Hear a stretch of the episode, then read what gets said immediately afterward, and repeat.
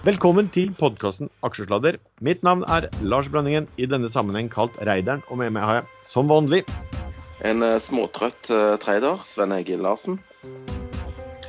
Og en, uh, en noe redusert uh, Java-trader, men uh, lykkelig Java-vakuumtrader i dag. Før vi kaster oss over ting, da kan vel Jalla-traderen fortelle oss om den disclaimeren vi har?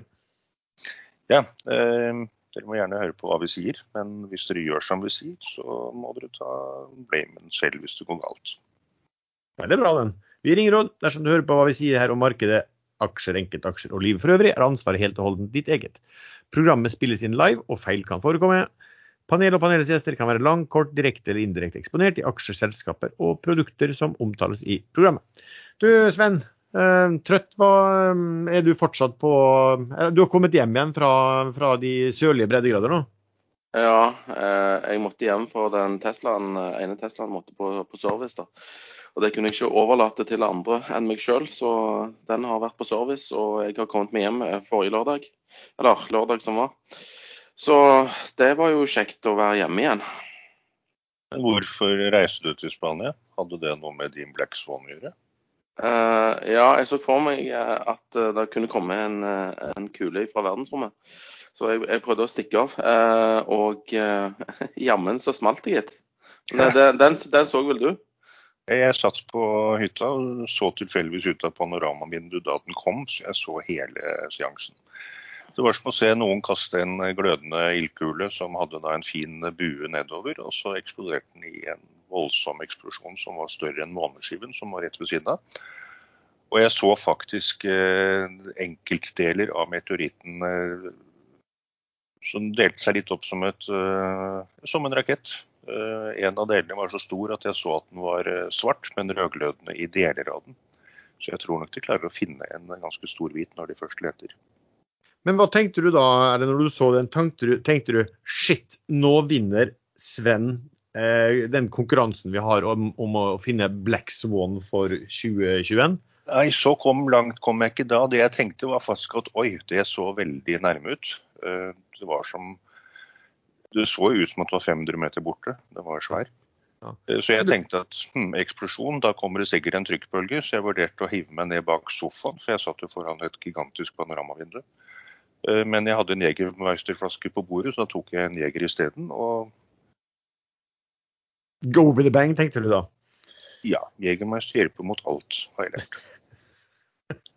Ja, men bare for å opp, oppklare for de som ikke hørte den, hva var det som var din eh, Black Swans-forslagsvenn for, for 2021?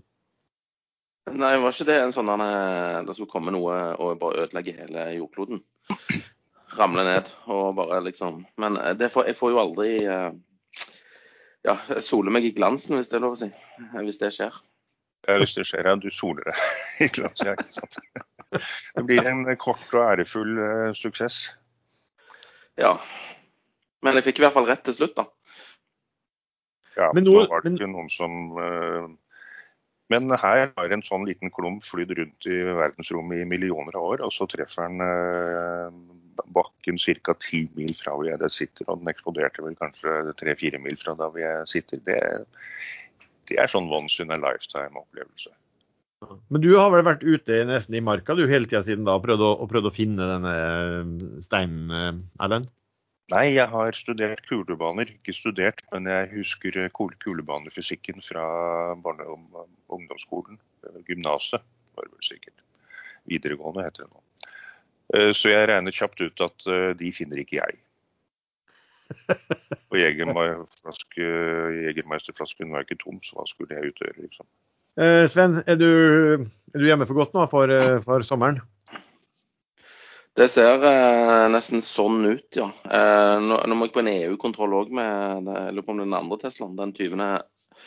Eller før den 31. eh, august. Så det blir òg noe jeg må gjøre eh, nå. Eh, men jeg må få oppdatere på dette her plenklipperprosjektet mitt. I uka som var nå, så fikk jeg endelig den siste gardeneren eh, levert fra Elkjøp.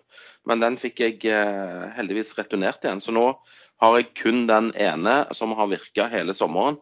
Og jeg har kunnet se på status fra Spania, Og eh, han stoppa kun én gang, og da hadde jeg en, en god nabo som eh, hjalp å sette han i gang igjen. Så jeg er veldig fornøyd med, med, med gressklipperen men for øyeblikket. Bank i bordet. Du har kanskje begynt, eller innført en ny tidsregning før og etter kjøp av Gardena robotklipper? Nei, jeg tenker ikke så filosofisk på det. Altså, Bare det virker, så er jeg fornøyd. to Teslaer som da må på, må på verkstedet, og en horde med sånne plenklippere rundt omkring. Du, du har jo en stall av sånne roboter som klipper plenen din etter hvert. Eh, Elektriske hjelpemidler, kaller jeg det. Ja. Men eh, skal vi over til noe Er ikke dette en aksjepodkast, da? Så hadde jeg ikke vært så redusert, så skulle jeg ta tak i den med elektriske hjelpemidler. Men vi går videre til aksjepodkasten. Ja, vi har jo hatt en, vi har jo snakket, Det har jo tidligere blitt kalt hagesladder da, når vi har snakket om eh, hageredskaper. Men OK. Ja. Men jeg, eh, ja, jeg- bare en liten ting. Jeg kom jo hjem igjen. Og så var jeg og handla i går på, på Remaen på Sola. Og så kjøpte jeg jo dagligvarer, grillmat og en sixpack med, med Tuborg. Uh, og den fikk ikke plass til i posen, så den tar jeg jo da og bærer utenom plastikkposen. Og så går jeg ut, og så kommer det en eh, person opp til meg som jeg ikke vet hvem er. Ja vel, jeg trodde du bare drakk champagne, jeg. Eh, så det var jo en fin måte å bli møtt eh, her i hjemlandet igjen. Så jeg vet ikke om det var så kult. Det var det eneste han sa. Du aner ikke hvem det var? Nei, jeg har aldri sett fyren før. Så ja, ja. Ja, sånn er det å være kjendis. Du er vel eh, nesten oppe på B-kjendis stadig, stadig, du Sven? Du er jo er, Jeg syns det er litt dumt at det, at det hefter med meg at det, folk tror jeg drikker mye champagne. For jeg drikker veldig lite champagne. Vet ikke, det, det, det er kanskje, be, kanskje bedre at de tror det, Sven, enn at de tror du bare sitter og drikker Jegermeister som visse andre. Ja, det er Du må sant. Jeg vil aldri ikke ha det ødelegge stempelet. et dårlig rykte med fakta, Sven. Nei, OK. Du, eh, nå er det også faktisk Vi hadde to ukers ferie, eh, så nå er det tre uker siden vi traff hverandre sist. Jeg så bare kjapt. Jeg tror markedet er sånn noenlunde flatt siden da. Kanskje det er opp en liten prosent. Eh, hva, Sven, hva, hva har du egentlig gjort siden de, de ukene vi ikke har eh, hørt fra deg? Nei, jeg har jo hatt uh, fire uker uh, i solfylte uh, omgivelser. Så jeg har hatt tradingkontoret mitt ute på terrassen med en laptopskjerm og en eh, 24-tommer ekstern. Eh, og har eh, vært lettere påkledd i, i, i jobbsammenheng. Eh, heldigvis ingen telekonferanser eller eh, nettmøter av noe slag, så det har gått eh, ganske smertefritt. Eh, og så har jeg gjort veldig, veldig lite, eh, og eh, hatt veldig mye ferie. Eh, familien var der nede i to uker av de fire, og så har jeg hatt eh, en uke på hver eh, side av hovedferien. da. Så har spist godt, drukket godt og vært litt på strand og fått mye D-vitaminer i kroppen. Så det tror jeg kan være veldig nyttig. Selve reisingen òg gikk for min del smertefritt som fullvaksinert. Eh, de som da ikke er fullvaksinerte, har klaga litt på kø og sånn. Jeg tror jeg sto to minutter i kø når jeg kom hjem. Så ja, dette funker. Mm. Du svingte deg vel i tett stans på nattklubbene der nede hver kveld? ikke det? Eh, nei, men vi var ute og spiste, jeg og to, eh, to kompiser i Banus. Og, og der var det egentlig mye folk, altså. Men vi hadde med oss munnbind, så alt gikk etter protokoll. Og når det gjelder aksjer og sånn, så har jeg da eh, Nei da, vi kan komme tilbake til det mot slutten av programmet, hva vi har gjort med aksjer og sånn. Det er ikke så viktig nå på sommeren, føler jeg. Det er bare å komme seg, komme seg gjennom disse rolige eh, månedene. Som Lars sier, på, på tre uker så har det som er pluss-minus 1% liksom. Og jeg har eh, sikkert bidratt til det sjøl, for jeg har gjort veldig, veldig, veldig lite. Men jeg var med i denne her eh, Havila kystruten, og den var jo ikke fest eh, i den. Nei, det var mer som en pest. Og en plage. Men, men, vi kan, men siden det var så lite, så kan vi godt ta dette her med samtidig, før vi hopper over til Erlend. Hva, eh, så kan vi godt ta, for du er jo spesialisten på hva skulle du si, emisjoner og debutanter og alt det der. Eh, og det har vel bare vært to av dem i perioden, vel? Ja, Biofish og eh, den eh, tidligere omtalte Havila kystruten. Fikk inntrykk av at denne her Havila kystruten var, skulle være veldig, veldig hot. Altså, jeg eh, tegna jo så pokker eh, til å begynne med, men så reduserte jeg heldigvis tegningen. Fikk jo nesten full tildeling, som jeg sa i forrige program for tre uker siden. Eh, og den ble jo dårlig når den kom på børs. eh, og eh, jeg solgte halvparten eh, nesten på Open på 23,5. Men så har jeg tatt tilbake en del nå eh, på 21-tallet. jeg, jeg, tror egentlig litt på den, så jeg tror den må bare få godgjøre seg litt. Og folk må komme litt tilbake på jobb og, og få litt øyne opp. Når det gjelder Biofish, så var jeg ikke med på den fordi at uh, den appellerte liksom ikke til meg, da. Så vet ikke, Var du med på den, Lars? Nei, jeg, ikke med på, var ikke med på noen av de. Um, det var lurt. Ja, det var, vi, vi hadde visst så lurt. fordi at altså, Hvordan var det med Havila først? da? Den, den, den emisjonen var på 25,5. Eh, og det var no markup. Altså det var liksom Det var de pengene de har putta inn i prosjektet. Eh, så, så, han var egentlig i utgangspunktet ikke særlig dyr, eh, basert på eh, fremtidsutsiktene. Nå har de ikke fått levering av disse båtene ennå, så jeg tipper den vil, vil eh, bli litt bedre når båtene faktisk begynner å seile opp og ned langs kysten. For den falt jo til 23 eh, første noteringsdag, og så falt den videre igjen da til eh, 2180. Ja, 2120 kryssa Fearnley en blokk på 100 000 aksjer, eller 99 000 aksjer. Og det var vel dagens laveste. Ja. Så nå ligger han på 2210. Så det er jo ikke noe fest. Ja. Og Biofish, den ble vel gjort på Hva var den ble gjort på? 20, var det på 21,5 eller noe? Den ble gjort på? 21,5, ja. Og den gikk faktisk til 1850 første dagen. Så det var jo, det var jo hardt ned, da. Hardt ned første dag. Eh, og så er den opp da tre dager på rad nå, så nå er den på 19,5, da, men fortsatt da eh, gått ned fra Så det var jo eh, Og de kom vel samme dag også, de to. Tror jeg debuterte samme dag. Eh, så det var jo to som virkelig fikk eh, merke liten interesse, og kanskje sommerstilhet, da. Eh, ja, timingen på disse to IPO-ene syns jeg var dårlig, for å si det mildt. Altså, folk er jo på ferie. Det de tenker med? Eh, Erlend, hva har du gjort i disse ukene? Nei, Nå har det vært en del eh, ferieavvikling. Eh, jeg har fremdeles da voksne barn på besøk fra utlandet. En fra London, som studerer der. Og så er jeg en fra Bergen, som studerer IT der borte. Yngstemann og eldstemann. Og da vil jeg ikke ha så mye aksjer som jeg må følge med på, så jeg har egentlig bare to og det er en amerikansk liten aksje som heter Naked. Den har jeg nevnt før. Der øker jeg litt, eh, litt hver uke. Eh, jeg tror den kommer. Gjeldfritt, flott selskap, eh, masse penger på bok. Og man ser om de klarer å levere. Og så har jeg faktisk en god del Prosafe. Det er jo et sånn av mine favoritt-vakuum-case, hvor rekonstruksjonen er vedtatt. Men den kommer ikke til å være helt i havn eh, før om uh, minst ti uker. Uh, jeg vil tro oktober-november tidligst kommer det nye aksjer. Og de kommer jo ikke før etter at det har vært innkalt til og avholdt en generalforsamling som godkjenner dette. Så det er 82,5 millioner aksjer i selskapet. Rundt 37% av de er på de tre største eierne. Så da er vi vel nede i sånn rundt 50 millioner aksjer i markedet. Eh, de har ikke solgt noe på noen av eh, disse to uh, spikene, som vakuum rally spikes oppover. Og det kan godt være at de er forpliktet til å ikke selge av de som skal konvertere maks til aksjer, for de vil jo helst ha kursen høy når de nye aksjene kommer, sånn at de kan selge på en OK kurs hvis de skal selge. Noen skal helt sikkert selge, og noen sitter kanskje en stund. Så um, i dag er den opp 25% akkurat nå. Og det er moro når man har litt. Mm. Men ellers har du vært ganske stille i markedet? så?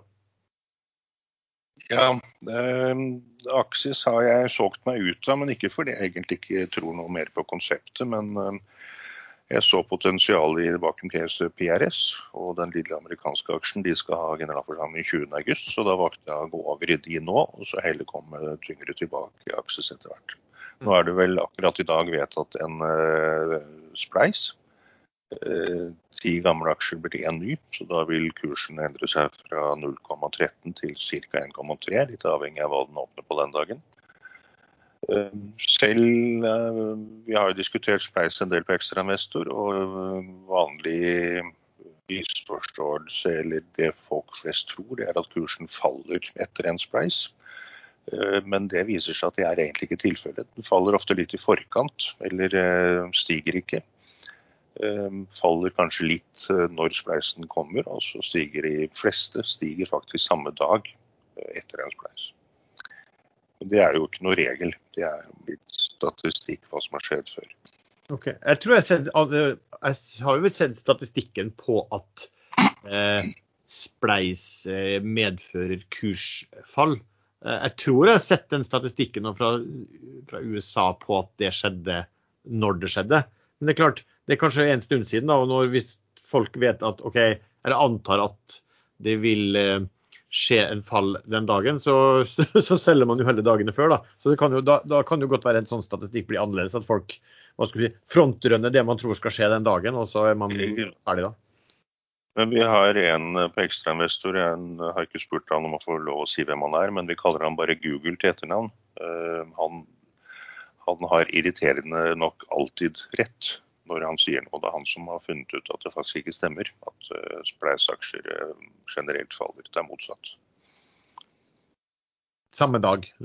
I etterkant, da, men de faller alltid alt uansett. Ja, men når, hvis man blir for spesifikk, så blir det jo uansett feil. Så, ja. ja.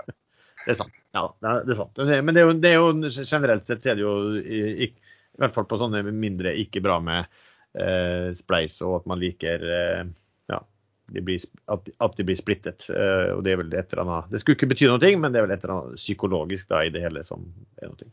Du, også for, for, min del så er det ja, litt det samme som dere. Det sa jeg jo sist gang. Da hadde jeg vel ingen favoritter heller, for jeg tenkte jeg skulle ha uh, ferie. Man følger jo litt med. Uh, men det jeg har brukt tid på, er egentlig å ha solgt meg ganske mye ned i markedet. Så nå tror jeg jeg gjorde en liten gjennomgang for meg sjøl av porteføljen og fant ut at oi, har, nå er det faktisk 75% cash.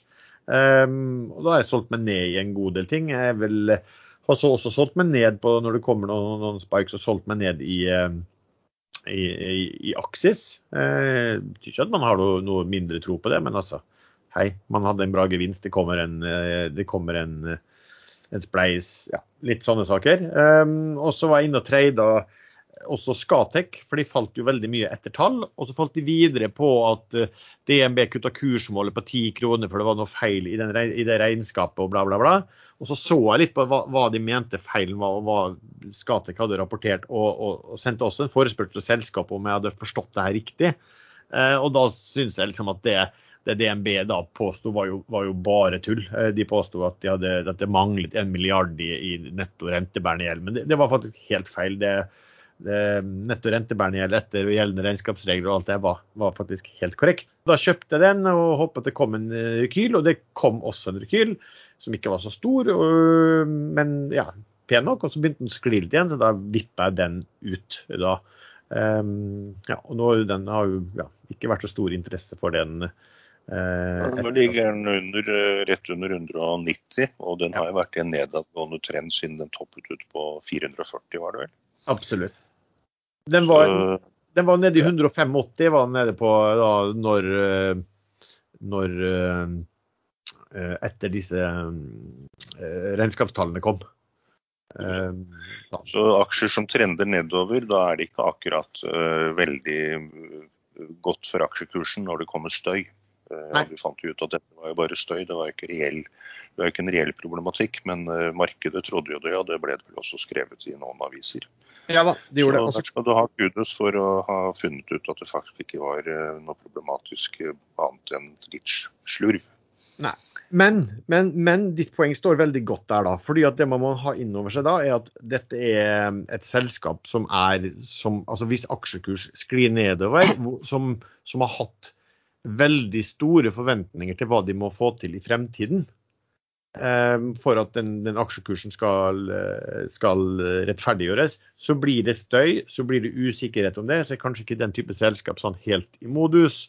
Eh, så kommer de med metall eller guiding eller hva det var som var svakere enn ventet. Og, og, da skal man altså Selv om man da ser at noe av støyen er, er, er misforstått, eh, så kan man alltid trade på det, men, men, da må du ha i hodet at det er faktisk en, en trend nedover her, så da gjelder det jo å kaste kortene fort. da, hvis, eh, eh, Selv om det var gevinst, da, men hvis du så ser at nei, nå begynner den interessen for den rekylen å avta igjen. på en måte. Men bortsett fra det, som sagt, ikke gjort så mye. Solgt, solgt litt her og der. eh, og sitter mye i cash. Kan egentlig snakke om eh, litt, eh, litt senere i programmet. Jeg fikk eh, sånn kort tilbake til Skatek. Jeg fikk en eh, forklaring på hva som sannsynligvis har skjedd. Det er et stort selskap, eh, så de henter inn en del konsulenttjenester fra kanskje et av de store revisjonshusene. Eh, Så selv om CFO er ansvarlig utad for hva som blir offentliggjort, så er det høyst sannsynlig ikke CFO som har rota, men han har kanskje ikke hatt tid eller mulighet til å dobbeltsjekke alle tall som kom tilbake.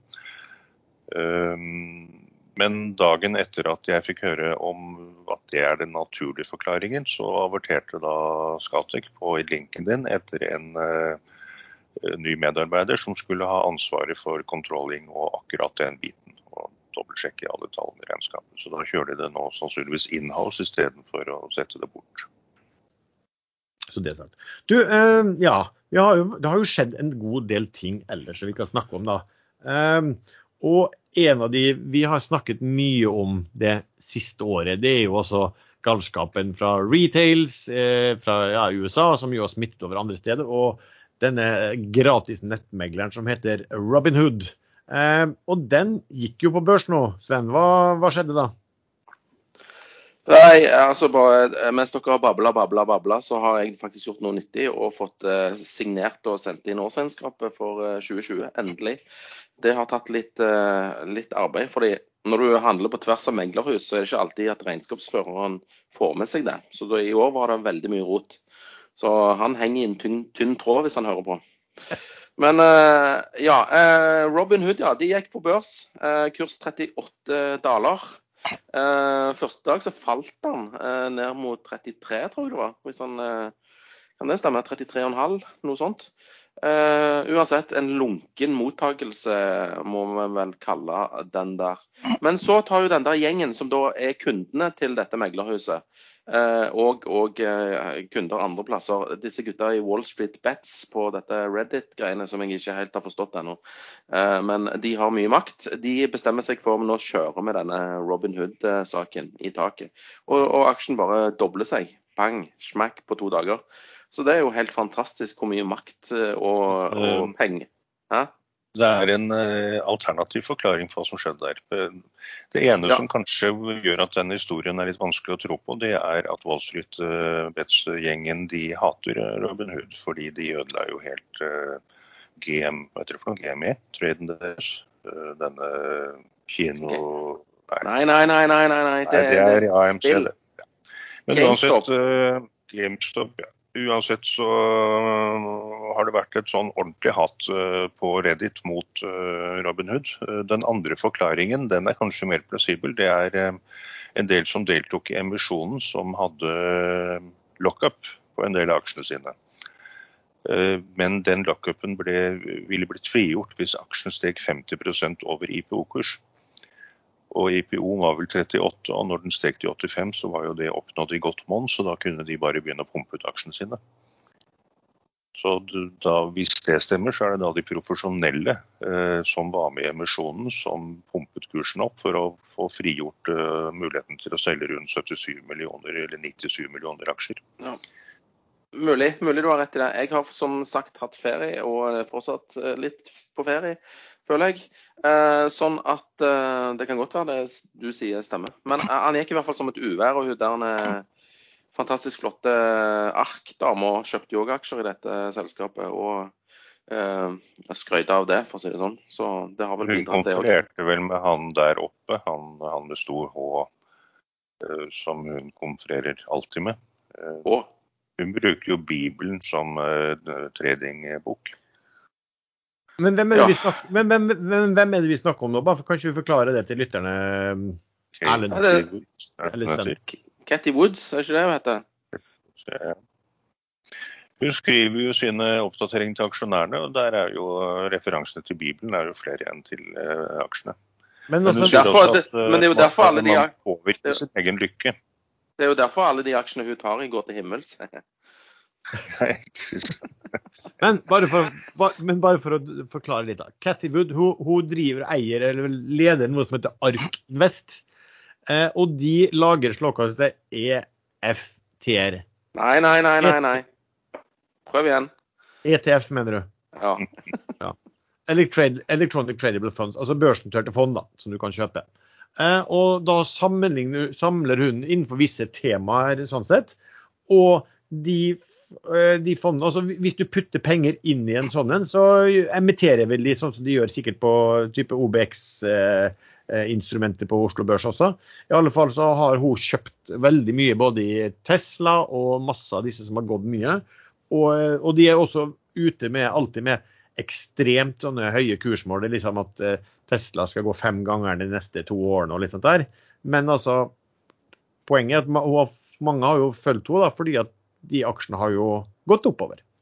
Eh, og hun så slengte seg inn og begynte å kjøpe ganske mye eh, Robin Hood, sto det nå. Etter det kursfallet, eller også, også i den oppgangen. Så det kan vel være noen ting av det. Eh, men så meldte de Robin Hood før børs i går at det var da en ja, aksjonærer som filet at de ville selge opptil 100 millioner aksjer. Men ikke at de skulle gjøre, men at de ville ha muligheten til å gjøre det. Var ikke det noe sånt? Fra tid til, fra tid, til tid, for å direkte oversette 'from time to time', Ja. så kommer de til å selge opp mot eh, 97 millioner aksjer. Men jeg liker bedre den historien om at det er brukerne som da eh, pusher opp sin egen eh, aksje, liksom. Det, det syns jeg var mye tøffere enn den uh, forklaringen til Erlend, som sikkert er riktig. Ja, nei, sånne fakta, potensielle fakta, det ødelegger alle gode historier. Så slutt med sånn. For å si det sånn, Jeg tror at det var en kombinasjon av det hele også, pluss at det kom ut at hun, hun eh, Cathy Wood eh, ba til Gud og kjøpte Robin Hood-aksjer. Men den, da falt den jo tilbake i går. da, Den falt eh, 27 i går etter å ha gått opp 50% dagen før. Så den ble omsatt sist på 51, som likevel er da solid opp fra eh, Men, men vet du hva jeg har merka? Eh, mens jeg har hatt ferie her, så har jeg jo fulgt med litt på Ekstrainvestor og inn i den chatten uansett for å se liksom Må jo holde meg litt oppdatert om eh, ting som skjer. Og, og, og der er nesten bare snakk om sånne amerikanske og utenlandske aksjer. Til og med på dagtid. Så eh, folk har eh, rømt hjemmemarkedet og bare satser penger i Uniten her. For det, der er det sånne ville bevegelser fortsatt. Ja, jeg tror er, det det, er, det, er det sunt, da? Jeg tror det er todelt, da, Sven. En, at ok, du trader på helt ville bevegelser, og, og det er kult hvis du trader. Og så tror jeg også har med å gjøre kanskje med at et stille norsk eh, sommermarked gjør kanskje at likviditeten blir dårlig, men at i disse der, eh, perverse US-aksjene, så er likviditeten er jo da så enorm at du kommer deg ut på, på et eh, sekund hvis du ville ønske det. Jeg gleder meg til disse amerikanerne kommer seg i jobb igjen. Så vi kan få litt eh, fokus på det fundamentale, og ikke på det eh, galskapelige. Kan jeg få lov å være veldig uenig med deg, Sven, i hva man gleder seg til? Du kan få- lov å være veldig uenig, men du trenger ikke beskrive uenigheten. Galskapen lenge leve.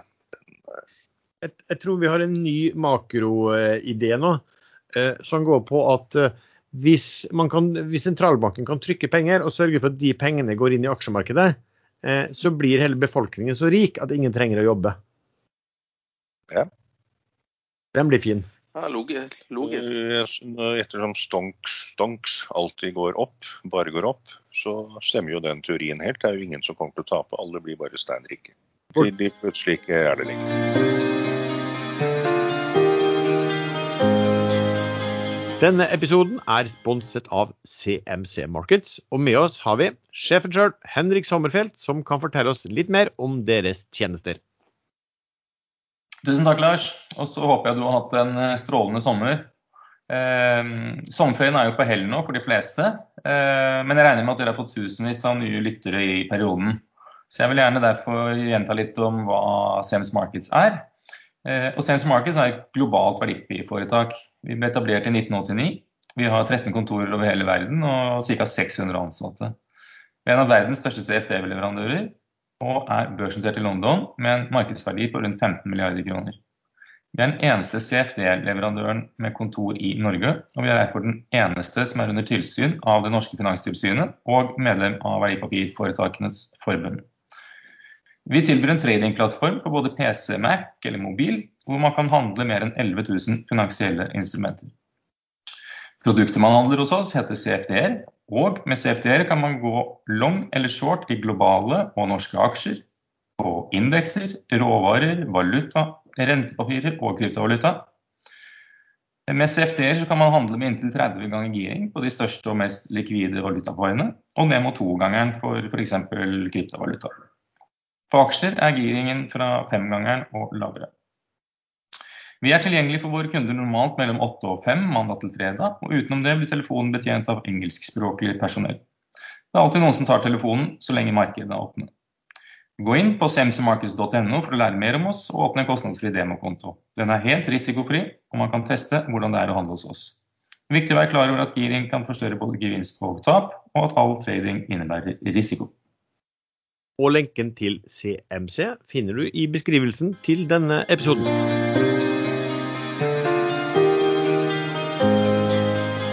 Du, eh, men når vi er inne på det, eh, Sven, vi bruker jo å snakke litt om hva som har skjedd. Og det skjer jo hele tida mye innenfor hva skal si, makro, renter og sånn. Eh, nå skal det vel snart være et, eh, et eh, møte som mange følger med på? I Jackson Hole? Ja, eller la, la, oss kalle det et symposium, hvis eh, det er en bra beskrivelse. Eller en bedre beskrivelse. Fed har årlig et symposium i en bortgjemt plass som heter Jackson Hole eh, i Wyoming. Eh, det er Kansas City Fed som hoster dette eventet årlig. Og, og der er det liksom eh, Det er tid og sted for de litt større eh, tankene. Så jeg ser for meg der at det kan komme noe. Det, det er den 26. til 28. august, så det er slutten av denne måneden. Eh, noen tanker om hva de har tenkt å gjøre med denne taperingen. Fordi at det har vært en del murring nå blant de andre Fed-sjefene. Men ikke Powell, eh, høvdingen sjøl. Han, han, liker ikke dette her. Han liker at ting kun eh, går opp, og at renta er null eller lavere. Så eh, ja, følg med på Jackson Hole mot slutten av måneden. Det er mitt eh, råd. Der kan det komme masse signaler. Og, og, så var det jo en senator fra West Virginia som var ute og og, og, og råda Fed til å slutte med denne trykkingen sin. Men uh, dette kan du litt mer om, Lars, føler jeg.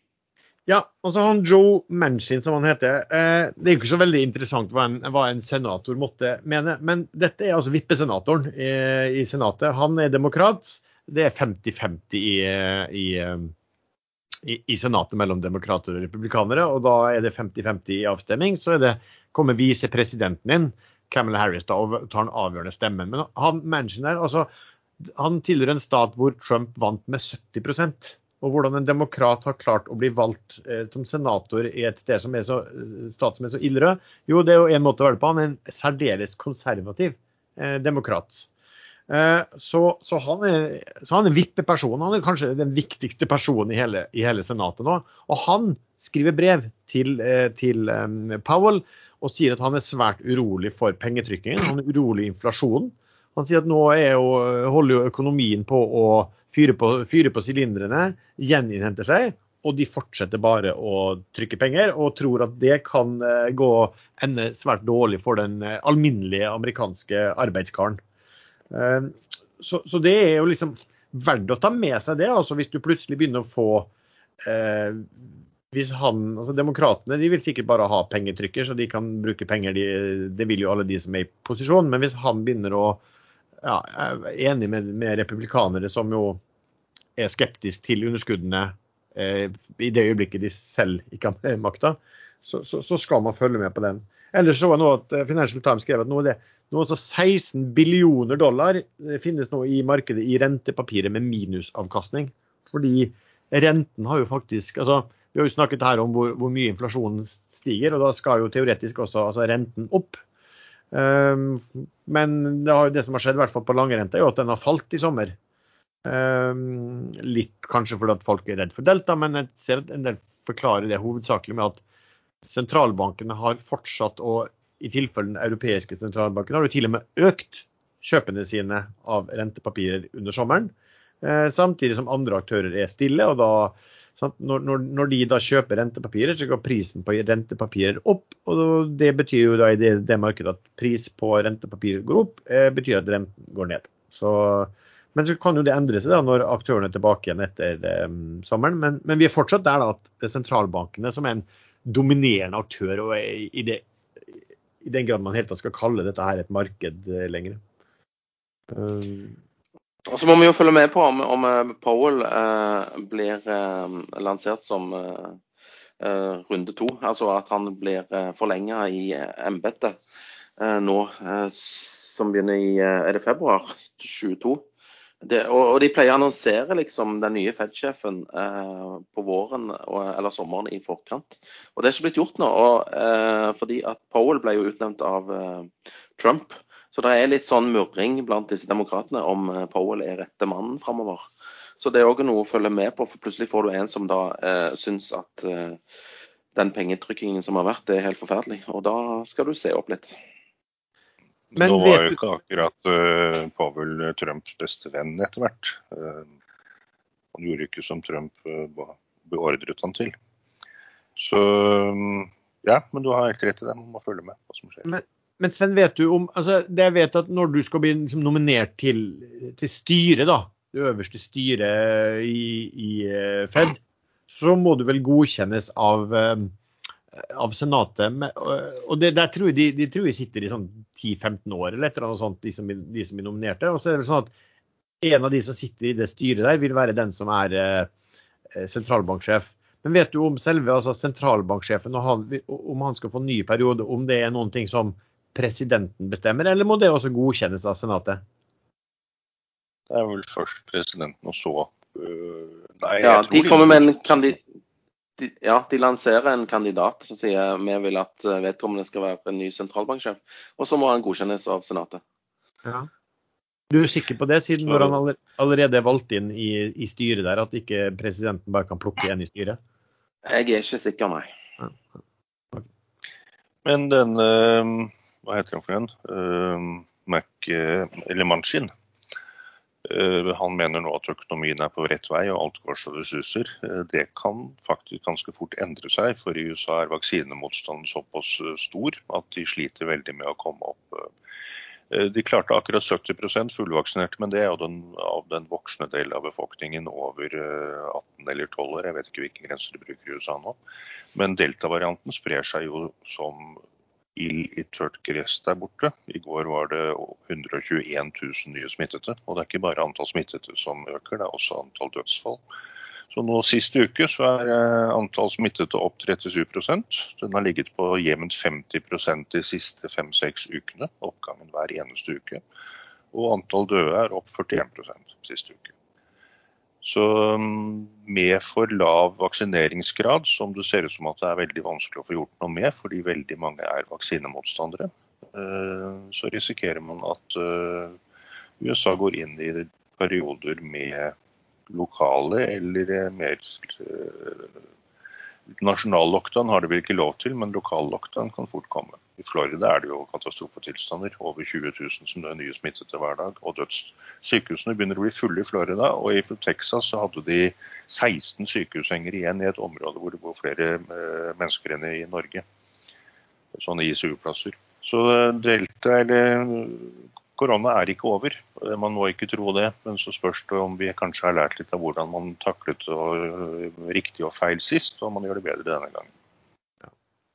Nå er det jo mange som er, som er vaksinert, og det kommer litt an på hva, ja, hva man kan leve med. Men eh, det er viktig å følge med på. Men eh, når du har en delta-variant som noen sier at smitter er, rundt åtte ganger eh, enklere enn den forrige varianten, så skal det ikke så mange uvaksinerte til før smittetall og dødstall blir like høye som de var, eller høyere. Ja, jo, kanskje på antall, men du må huske på at nå er jo de som er sårbare, da, de er jo faktisk, eh, de er jo faktisk i mye større grad vaksinert enn befolkningen som snitt.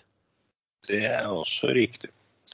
Men vi får se. Det utvikles, eh, utvikles i, i verdens eh, naturlige laboratorier. Dvs. Si mellom mennesker og i regioner så utvikles det hele, hele tiden eller nye mutasjoner som plutselig kan vise seg å bli enda verre enn det vi har sett nå.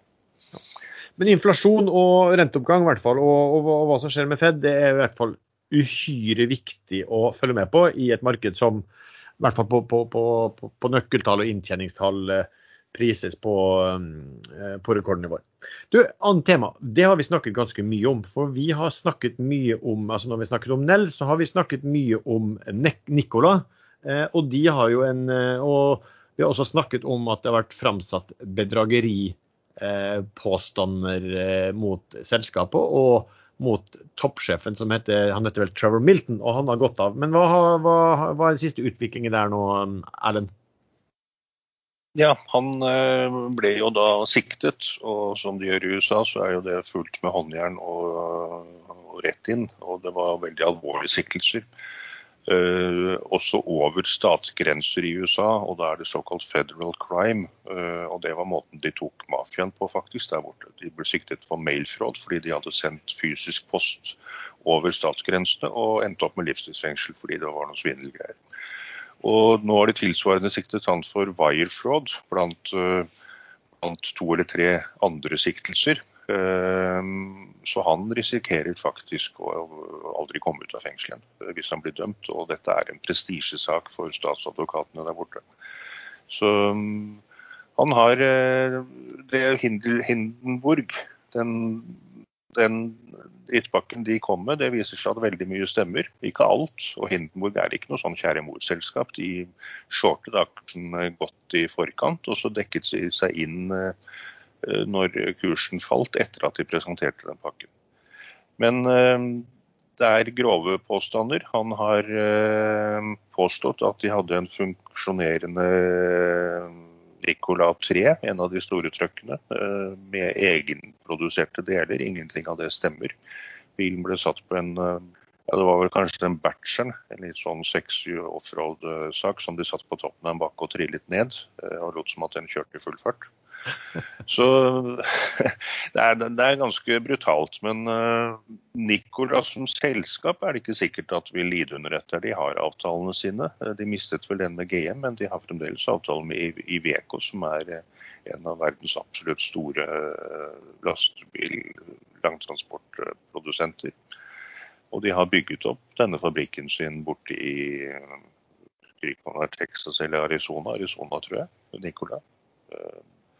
Så selskapet kan nok overleve. Så spørs det hvor mye av det som blir hydrogen. og Foreløpig starter de bare med eldrift på disse trøkkene. Men på de største trøkkene så mener de at de må fortsatt bruke hydrogen, og da vil jo Nell kanskje få noe av den avtalen sin. Mm. Nicola er også, de var oppe i over 90 dollar eh, per aksje. De er aksjekurs eh, innenfor de siste to årene. De siste året har det vært oppe i 55. De er på de er på 10 eh, dollar nå. Ned, eh, ja, ned 37 siste måned bare. Um, de, de, er altså priser på ja, ca. 36 milliarder eh, er de priser på nå. Og var altså pris altså da ca. ti ganger så høyt. altså Langt over 300 milliarder kroner var det selskapet prisa til, som hadde tauet en ikke-fungerende noe, noe, noe, som så ut som en truck uh, opp på toppen av en bakke, og, og lot den rulle ned. og ja, Men etter det så har de jo da fått en velfungerende truck som kjører rundt på gaten og testkjøres. og uh, masse produkter. Prøveproduksjonen skal starte i Olm i Tyskland nå i løpet av året. løpet av høsten. Det høres jo veldig miljøvennlig ut da med motorløse lastebiler. Det blir ikke, det blir ikke grønnere enn det. Det er såkalt nullutslipp. Ja, bortsett fra at det krev, kreves litt å få tauene opp til toppen av bakken først. sånn er det. Men er det noen implikasjoner her da for Nell? Nell har jo en avtale som de tidligere har gått ut og sagt at eller i hvert fall eh, noen analytikere har gått ut og sagt at har en verdi på 50 milliarder pluss for Nell. Ikke i fortjeneste, men i omsetning. Ehm, og Det kan jo nå da vise seg at det blir eh, alt mellom det og null. Ehm, men det får man se an. Nell-kursen eh, har falt en god del, den òg. Jeg tror ikke det er så mye pga. Nicola, faktisk, selv om den steg veldig mye pga. den kursen. Det var jo Nell under 15 kroner. Den var jo oppe i 33, var det vel? 34. Eh, Men den kom fra to, som fra nevnte. De som har vært med hele veien, har fremdeles eh, syvgangeren. Eh, Det er vanskelig å si. Det er industriproduksjon, det er lavmarginer. Nell brukte dessverre ikke penge- eller aksjekursen til å gjøre et stort innkjøp da kursen var på topp. Men det var vel du som nevnte det, Lars. Det er ikke alltid så lett å bruke aksjekursen for å kjøpe et større selskap mot oppgjør i aksjer, hvis motparten veldig enkelt kan se at aksjekursen er himmelhøyt over det den burde være. Men Nell har jo vært flink da, til å hente inn penger eh, på vei oppover, eh, sånn sett. Ja, de er veldig flinke. Men den siste emisjonen satt jo vel på bare 20 eller noe sånt, nå, så de burde kanskje ha trådt til en gang til på toppen. når den lå så høyt opp. Ja. Men de har vært ekstremt flinke. Det er få som har vært flinkere enn dem på det. Du Sven, eh, det skjedde jo også eh, Jon Fredriksen, sånn Hemen Holdning er vel selskapene, de, de var i Solstad Offshore og så lånte de inn masse aksjer plutselig. Hva, hva, hva er det de har lånt inn, og hva, hva kan forklaringen være? Jeg, jeg vet ikke. Jeg, jeg så òg det. Og de står oppført nå med ca. 10 av, av Solstad etter de lånte inn de aksjene. Eh, men hvorfor gjorde de det, da? Er det fordi at de skal stemme igjennom et eller annet? Eh, jeg har ingen anelse.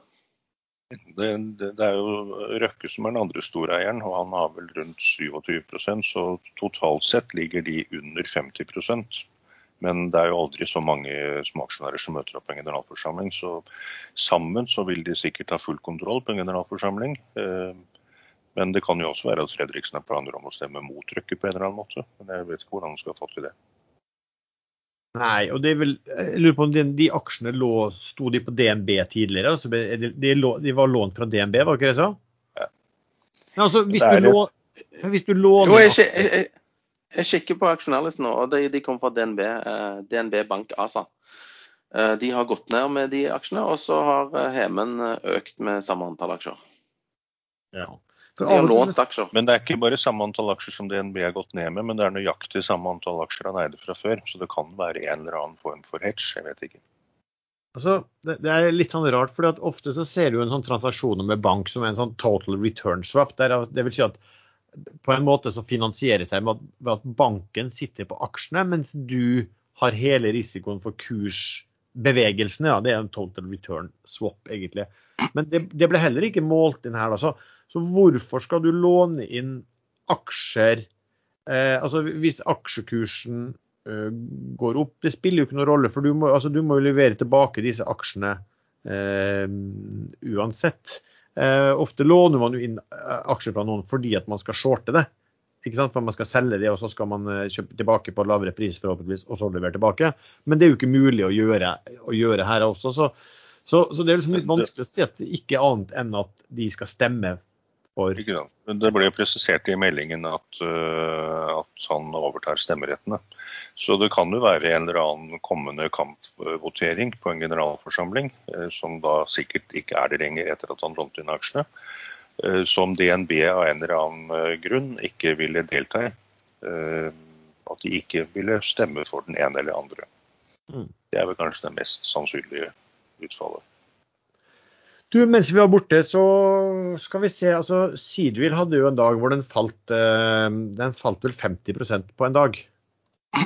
Til det mens vi var eh, Mens vi hadde ferie, det.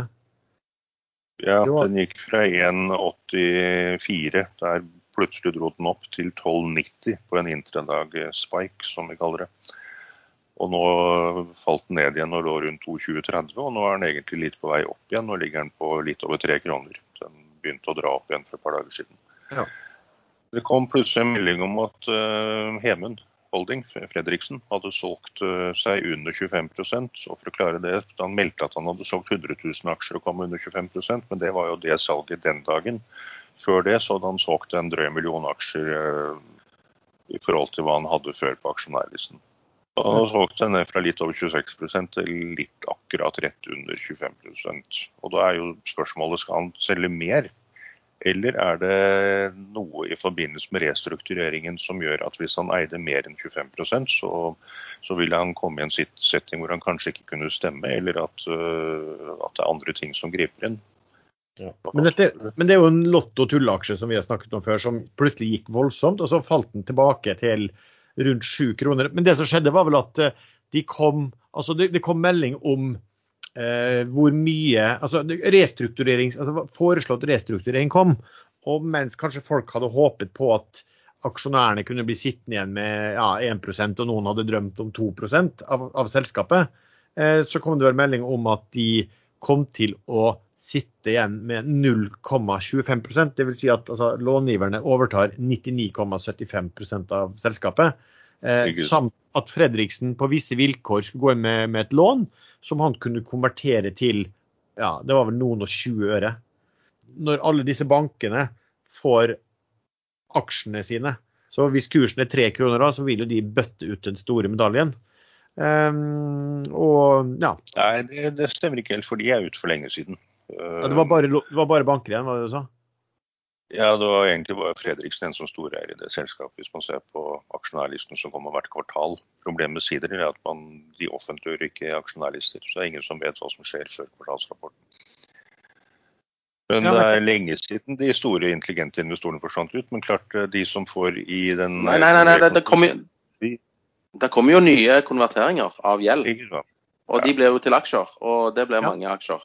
Ja, der eh, satt jo du, Sven, og både fikk aksjer forrige gang. I 2018 var det vel, da de hadde rekonstruksjon sist. Og de kjørte en spleis samtidig, så kursene ville aldri gå ned til 0,40 øre. Så etter spleisen så ville den sikkert ligge på kanskje 40 kroner eller halvparten. Men uh, der tradet jo du ut ifra hva du regnet med at bankene ville akseptere som uh, et akseptabelt tap etter konvertering. Og kursen falt vel aldri under 14 eller 13, tror jeg. Jeg tror den starta på rundt 16, og så gikk den plutselig opp til over 20. Så dette går ekstremt fort å tømme de bankene som skal dumpe for aksjene sine når, eh, når hele markedet setter i gang pumpene sine. Nei, jeg er helt uenig med deg. Ikke, disse, ikke, når, kommer, ikke når, de kommer til å eie 99,75 eh, av aksjer. For da kommer de til å antall aksjer skal vel da altså øke med 400 ganger eller et eller annet sånt? Jo, eh, men forrige gang så satt vi med 98 av aksjene, og det var akkurat det som jeg skisserte nå som, som kom, skjedde da. Det tok ikke mange dagene før kursen dro opp over, eh, over emisjonskursen. Jo, men det, det, spørs jo hvilken, det, spørs jo bare, det spørs bare hvilken pris man betaler. Ja. Så for å si det sånn, Hvis kursen er fallet til 15 øre, så tror jeg nok fort bankene fort er ute. Um, for å si det sånn. Så det, det, er det, er et spørsmål om pris på hva betaler bankene på. Uh, og hvis, hvis, noen tror at kursen kommer til å ligge på to kroner, og at retail kommer til å plukke de, de aksjene der, så tror jeg man tar styggere feil. Så, så at, nå, vet jeg ikke, men, men at du som sum summarum dagens aksjonærer og i løpet av noen måneder er minus ja, 80% er vel eh, meget sannsynlig.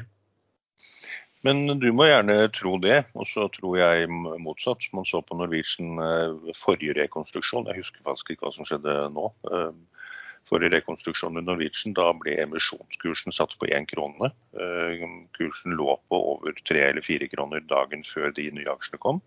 Den falt til 1,50, og der ble alle aksjene tatt imot av retail og profesjonelle pumpere, som jeg liker å kalle det. Mm. Falt aldri under 1,50, det er 50% over emisjonskursen. Ja. Men her, her, er det jo ikke friske penger sånn i utgangspunktet som kommer inn. Her er det bare eh, konverterte eh, aksjer også. Så, så hva den fair prisen er, det er jo ikke så godt å si.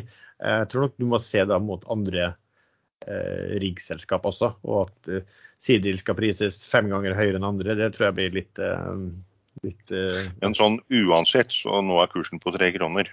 Det er minst seks-syv ganger over det kursen bunner ut på. Minst. Kanskje ti ganger. Ja, men, men, da, men, da, er vi jo veldig Jeg skjønte ikke egentlig helt hva du var uenig med deg, for da er du mer skeptisk enn hva er mitt uh, i, nei, vi snakket jo lenger om to forskjellige ting. Jeg, jeg, snakket om hva som skjer når de nye aksjene kommer. Den dagen og de neste dagene. Jeg tror det blir tatt imot veldig fort, det som dumpes ut av de som skal ut. Ja, ja. ja, det, ja, ja var, men mitt poeng var at det, det kan være, men det, det, er bare et spørsmål om pris. Og det sjekker på tre kroner.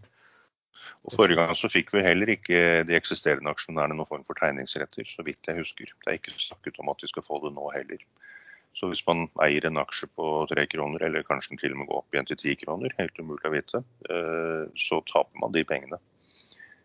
Men det tapet kommer ikke før like før eh, de nye aksjene kommer, og det er lenge til i Siderel. Sannsynligvis eh, rett over nyåret så kommer det nye aksjer i Siderel. Ja, Så sant ikke Fredriksen uh, selger seg ut. da. Men, men hel, det, det, du sier er jo, det kan godt være riktig, men det er jo helt avhengig av at man hele tiden finner the even bigger fool. da. Ikke sant. Sidril har skrevet på sin uh, hjemmeside at de følger norske regler for meldeplikt. Det er Bermuda-selskap, og det diskuterte vi litt, men det er i hvert fall helt tydelig at de gjør det. Så vi, man vil se fort om Fredriksen selger mer, for han må melde under 20, 15 og 10. OK. Um, skal vi se hva vi skal snakke om. Vi har, vi har fått inn ganske mange spørsmål fra, fra leserne. En, en er sånn uh, Hva tror panelet? Altså, tror dere det kommer Nå har det jo gått fantastisk etter vi fikk den store koronasmellen. Uh, tror uh, vi at det kommer en korreksjon? Og korreksjonen, hva, hva er det man bruker å si da? At det faller mer enn 10% Tror vi at det kommer en korreksjon i løpet av høsten? Sven? Er det noen, Nei, vet du hva. Som, eh, er det noen som tør å melde korreksjoner lenger, eller krakk? Nei. Etter at det har gått opp siden mars-april uh, 2020? Jeg er overbevist om at aksjer kun kan gå opp, så jeg eh, jobber ut fra den teorien. Ja. Sven, du tror ikke det kommer en korreksjon uh, i, i, i høst? Nei, det er ingenting som tyder på det. Hva tror du, Erlend? Nei, det samme. Men den kommer helt sikkert den dagen folk slutter å tro at det kommer en korreksjon. Mitt, po mitt, poeng det. For jeg, tror det kommer en korreksjon. Eh, fordi at det, de bruker å komme en, og fordi at nå eh, ikke folk tror det kommer en korreksjon. Og så er det sånn at det har kommet utrolig mye til av, av, altså av retail-penger og retail-aktører inn som faktisk aldri har opplevd en korreksjon heller. Eh, det blir litt interessant å se hva de eh, gjør hvis det kommer en sånn en. Eh, motposten til det jeg sier, er egentlig at også at det har kommet så mye retail-penger inn, at de kanskje, hvis markedet begynner å falle litt, så bare fylles det på med penger. Og, og det er selvfølgelig også at sentralbankene fortsatt trykker enormt med penger som kommer inn i markedet. Det, det, er egentlig et godt argument for at det skal fortsette opp, men OK. Men, men, ja, men grunnen til at jeg ikke tror på noen korreksjon, det er jo fordi jeg tror på et monster megakrakk Uh, egentlig. For det må jo altså, Alle krakk uh, kommer jo fra all time high. Uh, og vi er jo kanskje på all time high, er vi ikke det? Jo. Vi er det hver dag, nesten. Men, jo, jo. men det er, man ser jo på ekstrainvestorer og man leser andre steder. Det er veldig mange som har ganske høy cash-andel nå, fordi man frykter at krakket kommer. Så hvis det plutselig drar på videre, så er jo det naturlig da at mange av de kanskje hiver seg etter. At de får såkalt FOMO, uh, fair or missing out. Ja, og da kommer krakket? Etterpå, ja. Og en eller annen gang på det bratte spiken som nå er uh, SNP på 4431. La oss si den drar opp mot 5000. Da tenker jeg kan være i krakkmodus. Men det sa jeg i fjor også, da den var på vei opp mot 3000 eller hva det var.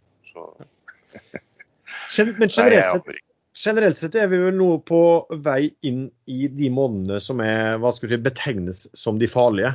Er det ikke det? Er det ikke sånn september-oktober det da altså, husker vi så... August-september er underperforming måneder eh, ja. i forhold til de andre måneder. Ja. I 2019 så kom uh, krakket, eller korreksjonen. Uh, det var ikke et ordentlig krakk, men korreksjonen kom 1.10. Ja. ja, det er jo ofte på høsten da det det, det, kan komme. Men nå, nå, nå, sa jeg at jeg var i 75 cash. Det er ikke fordi jeg sitter og venter på en sånn uh, altså skal sitte der og, og, og, håpe og tro på en korreksjon, for det er så vanskelig å, å, vite. Det er kanskje fint hvis det kommer når man sitter sånn, men det er av og til litt sånn at man det er greit å selge seg litt ut når man er litt i villrede og tenker litt, men, men det jeg sannsynligvis gjør, er å putte penger inn i ting som er eh, fort mye mer likvid enn hva jeg ellers gjør. Sånn at hvis det her begynner å skli, så, så, er de såpass likvide at du kommer deg ut. For her er en litt sånn viktig ting til mange av de Man skal ikke være sånn bedreviter, men det har vi, alle vi tre her sett mange ganger. Det at når det kommer korreksjoner, så tørker fort eh, markedet i de mindre eh, aksjene ut. da. eh, som gjør at eh, om du da har lyst til å selge, så er det faktisk ikke lett å komme seg ut på noe særlig volum uten å dytte kursen godt ned. Så, så det skal man liksom ha litt i, min, i mente, da, at verden ser plutselig veldig annerledes ut eh, i en korruksjonsmodus. Men, men, hva er definisjonen av krakk, da, Sven? Er det, er, det, er det, falt på 20 Er det da man begynner å snakke om krakk? For man, har, man definerer jo dette her også. Ja, børskrakk i 87 var vel 23% på en dag, så eh, mer enn det, da, tenker jeg. Ja. Men det kommer ikke til å skje nå, pga. at man, nå har vi disse circuit breakerne som da pauser ting. Det hadde de ikke i 87. Eller de virka i hvert fall ikke. Og det var jo ikke så mye elektronisk handel i 87. Dette var jo før internett. På Oslo Børs så stopper jo de der, det går jo de der circuit breakerne kontinuerlig. og Vi har jo sånn tøys at så selskap som har meldt dårlige nyheter på ettermiddagen dagen før, ja. har liksom brukt en time på å åpne og sånn. Så, ja, men tenk deg da, Tenk deg da 5% eller 7% ned i USA, som da skjedde et par ganger under IT-bobla, når den sprakk. Det kommer jo ikke til å bli handla på Oslo Børs på dagevis. Vi kommer bare til å sitte og se på helt til rekylen kommer. Og så, så åpner vi, og så Ja, det var flatt. Tre, tre, tre dagers lang auksjon, liksom. Ja. To, to, dag, to, av dagene er du grå i ansiktet, og siste, siste dagen så er du kjempeglad. Når den endelig åpner, så er du på, på null igjen. Ja. Nei, så det, det, Men det er ikke Altså, jeg bare sier det, for jeg vil jo ha et sånn monster megakrakk. fordi at da, eh, da skjer det jo masse. Plutselig sitter vi her og har kontrollen over et par eh, eh selskap på eh, growth, tenker jeg. Fordi at det blir så dumpa. Eh, men så det, det, blir veldig moro da, når dette skjer. En annen gang. Men uh, man er litt tilbake til det mange tunge, tradisjonelle investorer sier, at man bare sitter over krakk og dumper. fordi når kursen stiger, så selv etter et 30% krakk, så vil kursen være høyere enn enn den hadde vært hvis man var forsiktig da man begynte å bli redd et par år før. Jo, men det er jo, poen, det er, jo poenget at du, du, kan sitte og miste masse oppgang, og så, og så, kommer det en korreksjon, og så sier du eh, hva var det jeg sa, og så har du egentlig tapt, tapt masse penger. Altså, Det er veldig vanskelig. Ja, ja, ja. Det, det er utrolig vanskelig. Men, det skal jo veldig jo... til at kursen faller ned til under bunnen i mars 2020. Nei, det går fort når det først skjer. men, men, eh, vi har jo vært med på, vært i markedet eh, i opp- og nedganger og hatt litt IT-bobler, finanskriser og, og, sånne ting. Og, og, dette er jo en sykkel som har gått fra 2009, er det vel, når Fed begynte å hjelpe og støtte markedet, og de så at det hjalp. Det er derfor de kjører den taktikken nå i, i denne pandemien. Fordi at vi redda markedet på den måten. Og ja, de har redda aksjemarkedet på den måten fram til nå, men har de redda økonomien? Det er vel det som gjenstår å se. Fordi at eh, økonomien skal jo speiles i eh, finansmarkedene, og det gjør det ikke for øyeblikket. Men eh, det, det, det er spennende tider. Det er bare å endre økonomiske teorier, det, så har du det kjempebra. Ja, ja. This time it's different. Det, det pleier å funke. Ja, men det der med å slåss mot, uh, mot Ja, men du må ikke gjøre det. Du må ikke gjøre det. Du må vente altså, til det gir opp. Sånn, det er tapering, at de, altså, at de tapering OK, kanskje de bremser litt. Eh, det er vel det de snakker om, da. Fordi at de, de kan jo ikke la et marked fungere. Altså, det, det, er jo ikke mulig for med de underskuddene som, eh, som f.eks. USA har og skal ha framover. Altså, det er ikke mulig for de å gå ut og få lånt de pengene i markedet på de rentene de har. Altså, ingen er jo så dum at du, du omtrent altså, Anna var Tyskland, var ikke det? det var minusrente på 50 år. Det er jo ingen som er så dum å låne penger eh, på å sitte med de i 50 år og få et stort minus på lånet til Tyskland, hvis ikke det markedet er helt rart. Eh, så Det betyr bare at siden landet da går med sånn som USA går med så enormt underskudd, de pengene til landet må altså, de må jo få inn de pengene et sted fra. Det får de ved å legge ut lån. Og hvis ikke eh, reelt sett indirekte sentralbanken er det som plukker opp, kommer med mye av de pengene, eh, så tror jeg det blir veldig problematisk. Så jeg tror ikke den er, eh, Det er mulig at de begynner med tapering, men eh, at det er en slags at de, ja, av, det avtar litt. Men de kommer fortsatt til å holde på med i stor grad, tror jeg.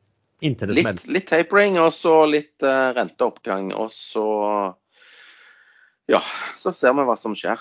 Jeg tror det kommer til å skje et eller annet som vi ikke har tenkt på. Ja. Men er det, er det ikke sånn at i, i snitt så, så, bruker det å komme en korreksjon hvert år omtrent. Hvert tolvte måned. Ja, det vet jeg ingenting om. Nei, det, det er noe sånt altså at jeg, jeg tror i hvert fall hvert halvannet år så er det Jeg tror det i, i snitt bruker Nei, det vi, hadde jo, vi hadde jo den koronasmellen i, i fjor. Eh, og den var jo egentlig naturlig, i og med at hele verden plutselig ble stengt ned. og vi visste ikke helt hva som skjedde. Det var 100 år siden sist. Eh, og så tenker jeg tilbake. Det er finanskrisen sist, er det ikke? Eh, nei, du, du husker ikke Altså Ja, her var- Eh, ja, eller altså, Ja, eh, egentlig. Oljekrisen 2015. du, Ja, men det var jo norsk fenomen, var det ikke det?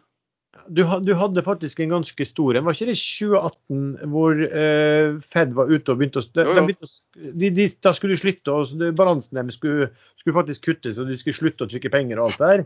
Men Og- hvor lenge varte det, da? Det varte et kvarter, og så skrudde de på eh, knappen igjen. For da stupte markedet. Jeg lurer på om ikke det var fort ned, kor- korrigerte ned nesten 15-20 da. Jo, jo, stemmer det.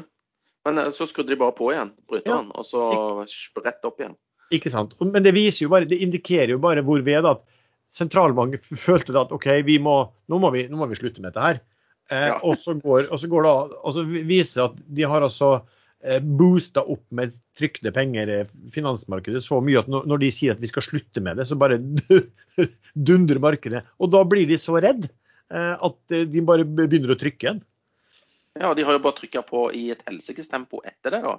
Balansen er jo dobla på et år, eh, Fed-balansen. Så eh, hvis de var redde i 2018, så lurer jeg på hvordan de er nå. Nei, det, de tror kanskje at de kan håndtere det. Du, men så skal vi hoppe på en annen der. For at, altså, det er jo en del som vet at vi på, på disse tider spiller inn aksjesladder. Eh, og der er det en som eh, Hilsen anonym, så, men du, så du kan jo tenke er det hvem det kan være. Hvis dere spør, spiller inn aksjesladder nå, så kan du spørre Erlend Henriksen om veddemålet angående olja. Eh, og da var det en som eh, som skriver her at global demand eh, kan klippe inn at det står en artikkel om at global demand hit 101 million barrels per day this summer. Ja, der, der vil jo jeg for det første sjekke, kilden. Hvor seriøse er de? Er dette en offisiell uttalelse på om den har rundet 100 mil fat om dagen? Veddemålet mitt gikk jo ut på at det aldri ville skje. Eh, Og det veddemålet går fram til 2030. Pga. korona og pga. renewables osv. Men jeg skjønte jo det at jeg burde sikkert sagt 105.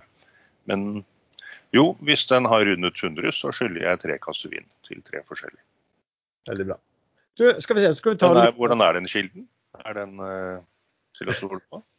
Det er jo ikke IA som kommer, den er jo noe annet. Jeg tror det er fakenews.com. Det er noen som har, det står en parentese fra vedkommende og PIW fra 30. juli eh, i år, sånn sett. Eh, Ja. Vi satser på at det er fake news. Ja, det, det er jo det du, kan, det er det du kan påstå hele tiden. Altså, hvem kan bevise det? Det er jo ikke noe ordentlig telling hos sted. Men det er også, du, eh, nå skal vi se, vi har fått ganske mye spørsmål inn fra um, lyttere. Kan starte, altså En som, vel, som har blitt en ordentlig sånn retail-favoritt, det er MPC Container. Eh, og da har jeg fått litt spørsmål på det. Um, det er vel ingen av oss som er så veldig gode på shipping, det har vi vel sagt også. Jeg, kanskje jeg skal si litt om det, for jeg har bare sett litt på det.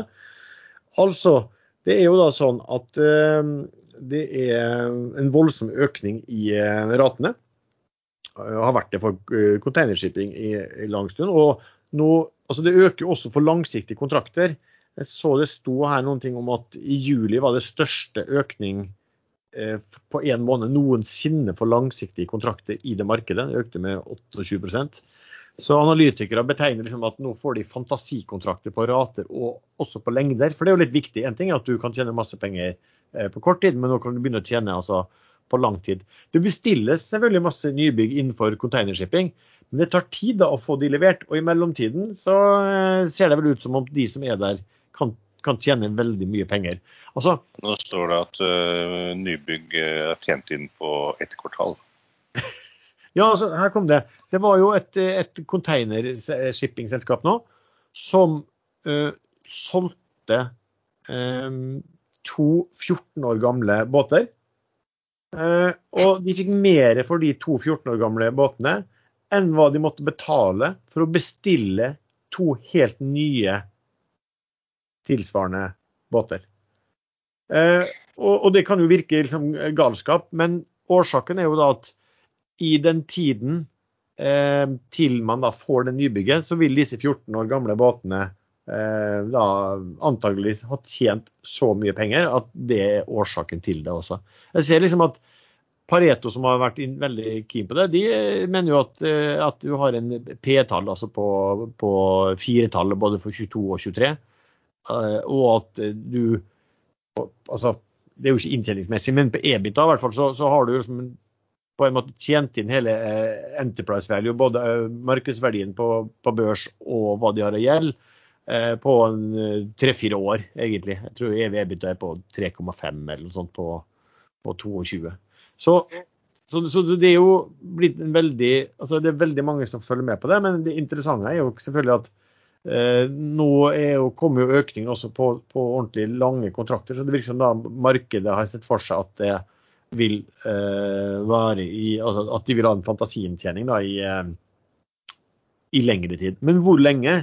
Eh, og hvor, hvordan aksjekursen, altså hvor mye det, det er indiskutert i dagens aksjekurs, det, for min del har jeg ingen anelse om det. Men Vet du hvem som må betale for disse økte fraktratene framover? Det er du og jeg og Vito når vi kjøper sykkel på XL, XXL og ja, jacuzzi det, på hytta. Det, det er de som kjøper de tingene som er inni de konteinerne. De kommer til å få smellen. Ja ja, det, det sier jo seg sjøl, det. At, det, det, det, det, det um, støtter jo eh, inflasjonsteorien her, at dette tar litt tid. Og at eh, inflasjonen ikke bare er forbigående. Hvis det da blir eh, lange kontrakter med veldig høye fraktrater. Der, eh, jeg har jo da trodd at jeg har lært litt om shipping i de ti årene jeg har holdt meg langt unna shipping, fordi jeg ikke skjønner det. Og kursen faller når jeg tror den skal stige og motsatt. Men da skrev jeg i MPCC-kanalen på Ekstrainvestor at eh, langsiktige eller shippinginvestorer de selger gjerne nå. Nå lyner det noe forferdelig her. Er det Slår det inn på mikrofonen? Det er sikkert en meteoritt. Det kan det Ja. være. Ta deg en Jegermeister, du. Uh, jo, at uh, det faktisk ikke uh, gjelder for, for tank, nei, for eh, containerskip. For de lager veldig lange kontrakter. Eh, Men det som helt garantert må gjelde også for containerskip, det er jo motpartsrisiko. Eh, De største containerselskapene de får de beste kundene, som også klarer å betale hvis eh, hvis ratene burde ligge langt under det de har skrevet en to-treårskontrakt på. Um, Nå vet ikke jeg hvor stor MPCC er, om de får de beste kundene, eller om de kan risikere at kunden som har skrevet en treårskontrakt, faktisk ikke klarer å gjøre opp for seg etter et halvt år hvis ratene stuper.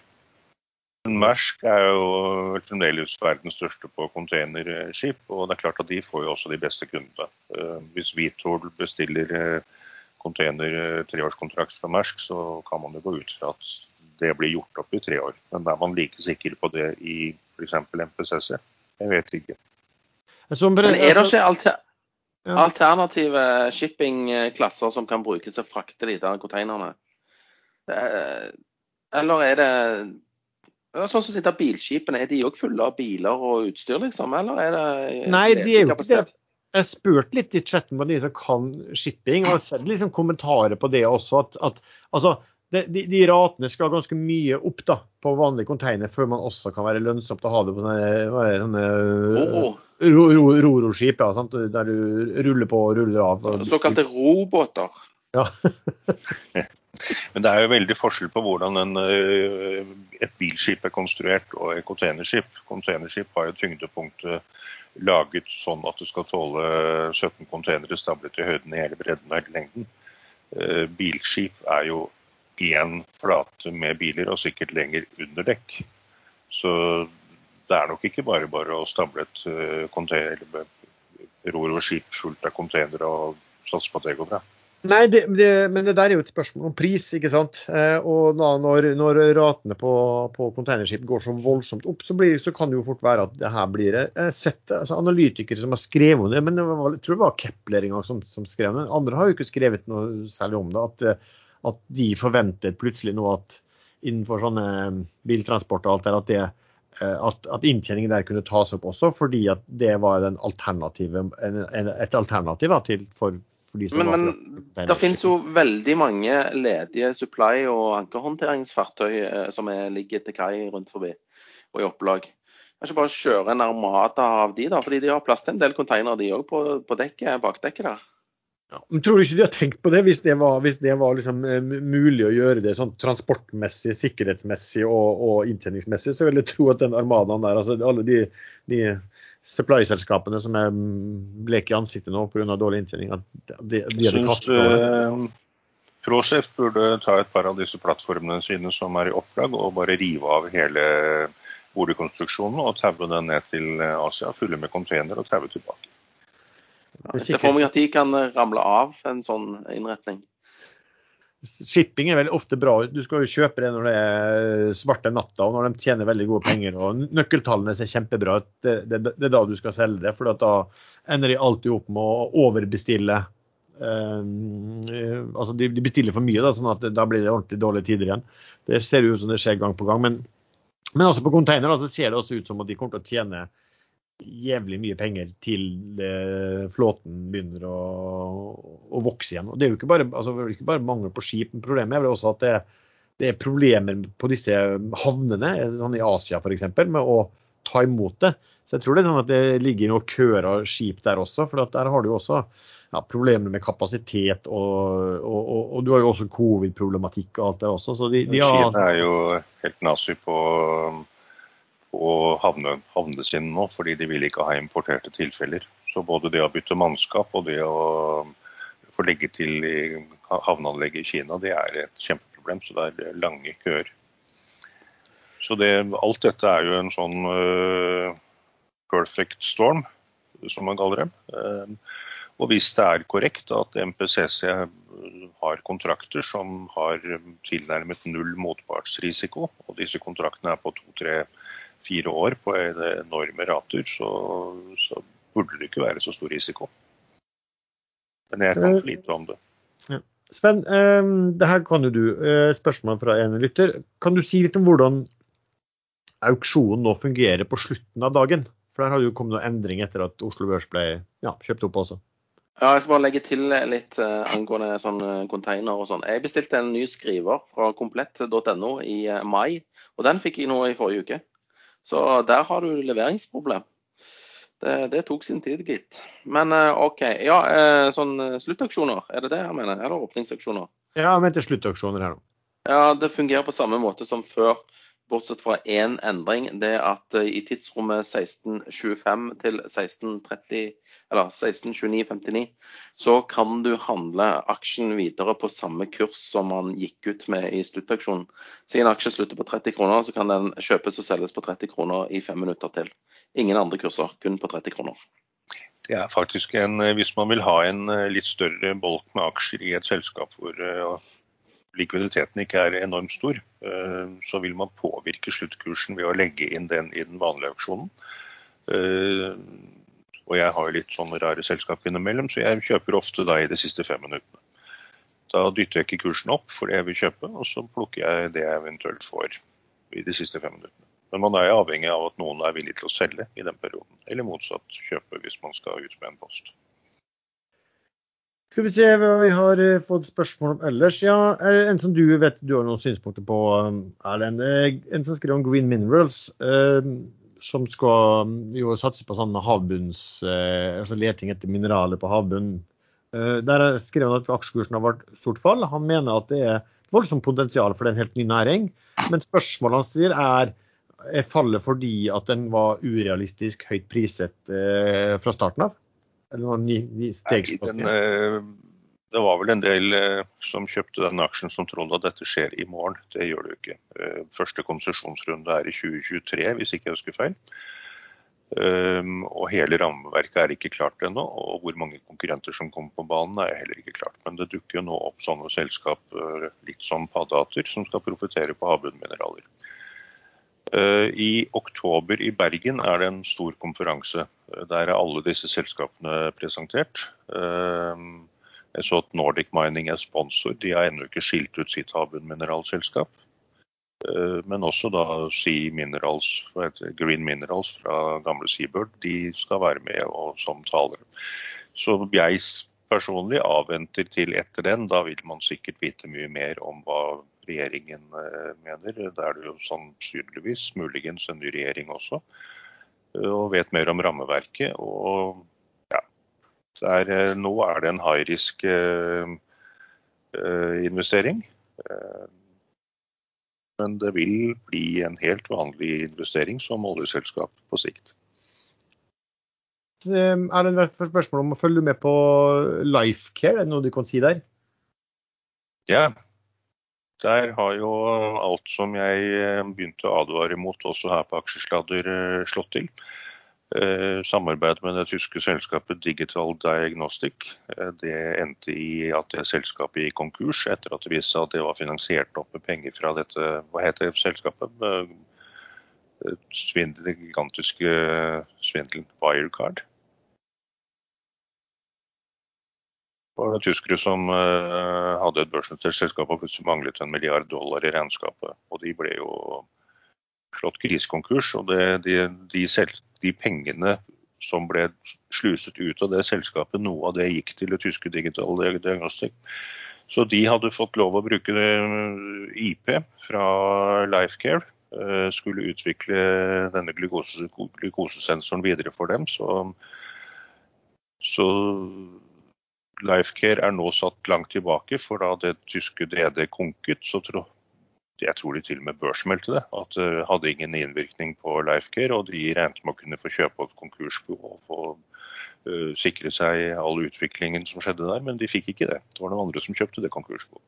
Så nå er kassa mer eller mindre tom. De hadde vel 4,5 millioner kroner igjen uh, nå etter sist kvartalsrapport, og det holder ikke til noen ting. Så at det kommer en emisjon i Lifecare, det er helt sikkert. Og så mye griseri og direkte, jeg kaller det svindel, og feilinformasjon som har vært i det selskapet. Dette er noe faktisk Finanstilsynet og Økokrim og alle burde ta ordentlig tak i, for her er det mye grums. Jeg tror ingen seriøse investorer vil investere i det selskapet, så der kommer det nok sikkert en sånn gruppe med profesjonelle gravrøvere som kommer inn og kanskje kjører en emisjon på 10 eller 50 øre eller et eller annet sånt. For den glukosesensoren tror jeg nok er et produkt som de kan få til å funke. Så det kom et spørsmål her om, om Kyoto. Jeg vet ikke om du følger med det noe særlig lenger, Erlend. Den har jo sklidd nedover. Det og nedover og nedover og nedover. Hva sa du? Ja, og nedover og nedover og nedover. og nedover. Ja. Det, og den er ikke du lenger heller? Nei. Men det jeg så som var litt interessant der, var at de har Altså, de, de driver jo med det utvikling og satser på å få noen noe avtaler, men nå annonserte de etter faktisk ganske mye folk. Så det kan jo tolkes da som om de kanskje kan få et snarlig gjennombrudd på en, med, en, med noen av de her test, testprosjekter mot mot en større aktør som de snakker med. Vet du, de holder på å jobbe med ja, noe i Danmark og, og Yara og Hydro og sånn også. Så det, det, det, kan være verdt å merke seg at de gjør det. Om det betyr noe, om det er en indikasjon på det, det vet jeg ikke. Og det er vel en sånn type selskap nå som alle venter, Det har skjedd lite, og alle venter på at noe skal skje da, for at det skal komme interesse. Sånn Hva var IPO-kursen i det selskapet? Uh, var, var, det, var, det, på 60 kroner eller noe sånt? Det sånn? Nå er den på 35. Ja. 36. Ja, så den har sklidd, sklidd ganske Nei, jeg syns selskapet er interessant. Og Hydro er jo direkte eller indirekte med på dette her, så Men jeg liker ikke å, å gå inn i selskap som har en fallende trend. Jeg venter heller til de har bundet ut og det skjer noe nytt og kursen går opp. Og da kjøper jeg heller 20-30 eller 50 over bunnkursen enn å sitte og trykke på låste penger i lange tider og eventuelt bli med noe lenger ned. Ja. Det, er, det er faktisk jævlig morsomt å plukke en fallende kniv og treffe og alt gjør sånn, men, men det, det, det, er jo ganske sjeldent. altså Stort sett så, så svir det jo litt mer, for å si det sånn. Erlend, har du noe å si om altså Elabs har vi fått spørsmål om. Har du noe fornuftig å si der? Eh, kort fortalt så kjører jo de en software-løsning eh, på noe andre ville valgt å kjøre en egen chip-løsning på. Eh, og Fordelen med software er jo at den kan jo oppdateres eh, remote hvis det skjer en utvikling. Eh, og det er jo mye lavere utviklingskostnader. Og... Men jeg kan ikke så mye om Elabs. Men min eldste sønn som er på besøk nå, han er faktisk ganske dyktig på det selskapet. Men som en god sønn skal være, han sover ennå. Klokka er bare 12.46. Kan ikke stå opp så tidlig. Men sånn kort fortalt så har jo uh, CEO, hun hun kvinnelig, hva heter hun igjen? Uh, ja, hvert fall hun er veldig tydelig på at omsetningsmålene kommer de til å nå. Og sier at den løsningen de har, den, den, vurderes av de store i markedet.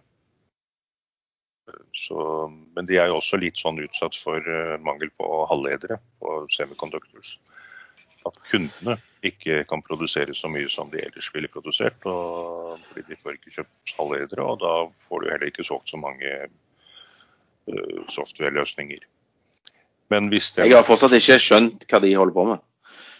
Nei, Hvis man ser på dagens kurs og antall aksjer, og hvis det stemmer med en omsetning på 500 mill. Eh, innen et par år, så er jo det veldig veldig mye høyere enn dagens omsetning. Så de jeg snakker med som kan selskapet godt, de sier at det er ikke, ikke vanskelig å regne hjem 1000 kroner aksjen i det selskapet. Men jeg har jo sagt 1000 kroner aksjen eh, om andre selskap før, så jeg holder meg litt tilbake. Ja, altså, de, de, er jo priset til 2,7 milliarder i dag. Og så hadde de en, eh, hva hadde de da? 6 millioner i omsetning i, første, i andre kvartal. Eh, men nå har de vel ikke begynt å selge disse ennå, da. Men, men, jeg ser også at de har en, en Eh, hun som er toppsjef der, er veldig, eh, veldig framoverlent, må man si.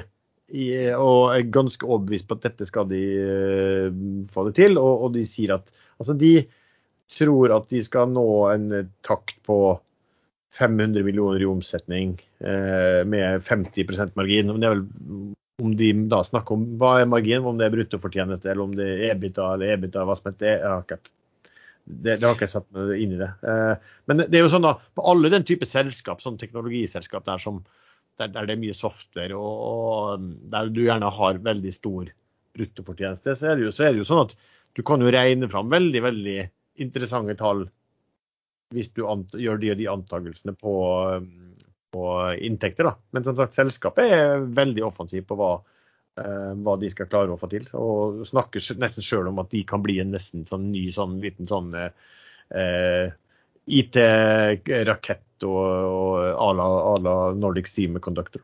Det er jo ganske, ganske tøft. Kursen lå vel eh, rundt 2,60 før tallene kom, og tallene skuffet litt, men de forklarte det godt og opprettholdt guidingen sin på omsetning i løpet av et par år. Så nå ligger den på 2,82. Det er ikke noe sånn megaomsetning, det er 6,6 millioner kroner. Så det kan jo være mye retail som drar kursen såpass lav omsetning. Men øh, den var jo nede i så vidt under 100 kroner etter IPO, som IPO var vel på 150, og så gikk den opp og ned, hvis jeg ikke husker feil. Og nå er den da langt over IPO, nesten dobbelt. Så det er vanskelig å si noe. Altså, alt avhenger av å klare de å Klarer de den veksten eh, de guider, så, så, vil jeg jo tro det blir bra. Det vi har sett på børsen, er at altså, det er jo veldig mange selskap nå som er hva skal vi si, priser på framtidig vekst. Det vi vet, er at eh, hvis man skuffer, eh, f.eks. Kahoot, eh, så går aksjekurser også veldig fort ned. Da. Så det er jo liksom den, du, har jo den, du har jo den risikoen her da, med høy risiko og høy eh, mulig reward på, på den type på den type på aksjer. Men jeg, men jeg, liker jo en, en toppsjef som er såpass eh, aggressiv og med såpass stor selvtillit da, i, i uttalelsene sine. Eh, så kan du jo si at okay, hvis man da ikke leverer i det hele tatt, så, så, blir jo det ikke så like hyggelig for uh, verken aksjonærer eller toppsjef. Da. Men time will show. Sven, har du noen, uh, noen du ser på spesielt for uka som kommer?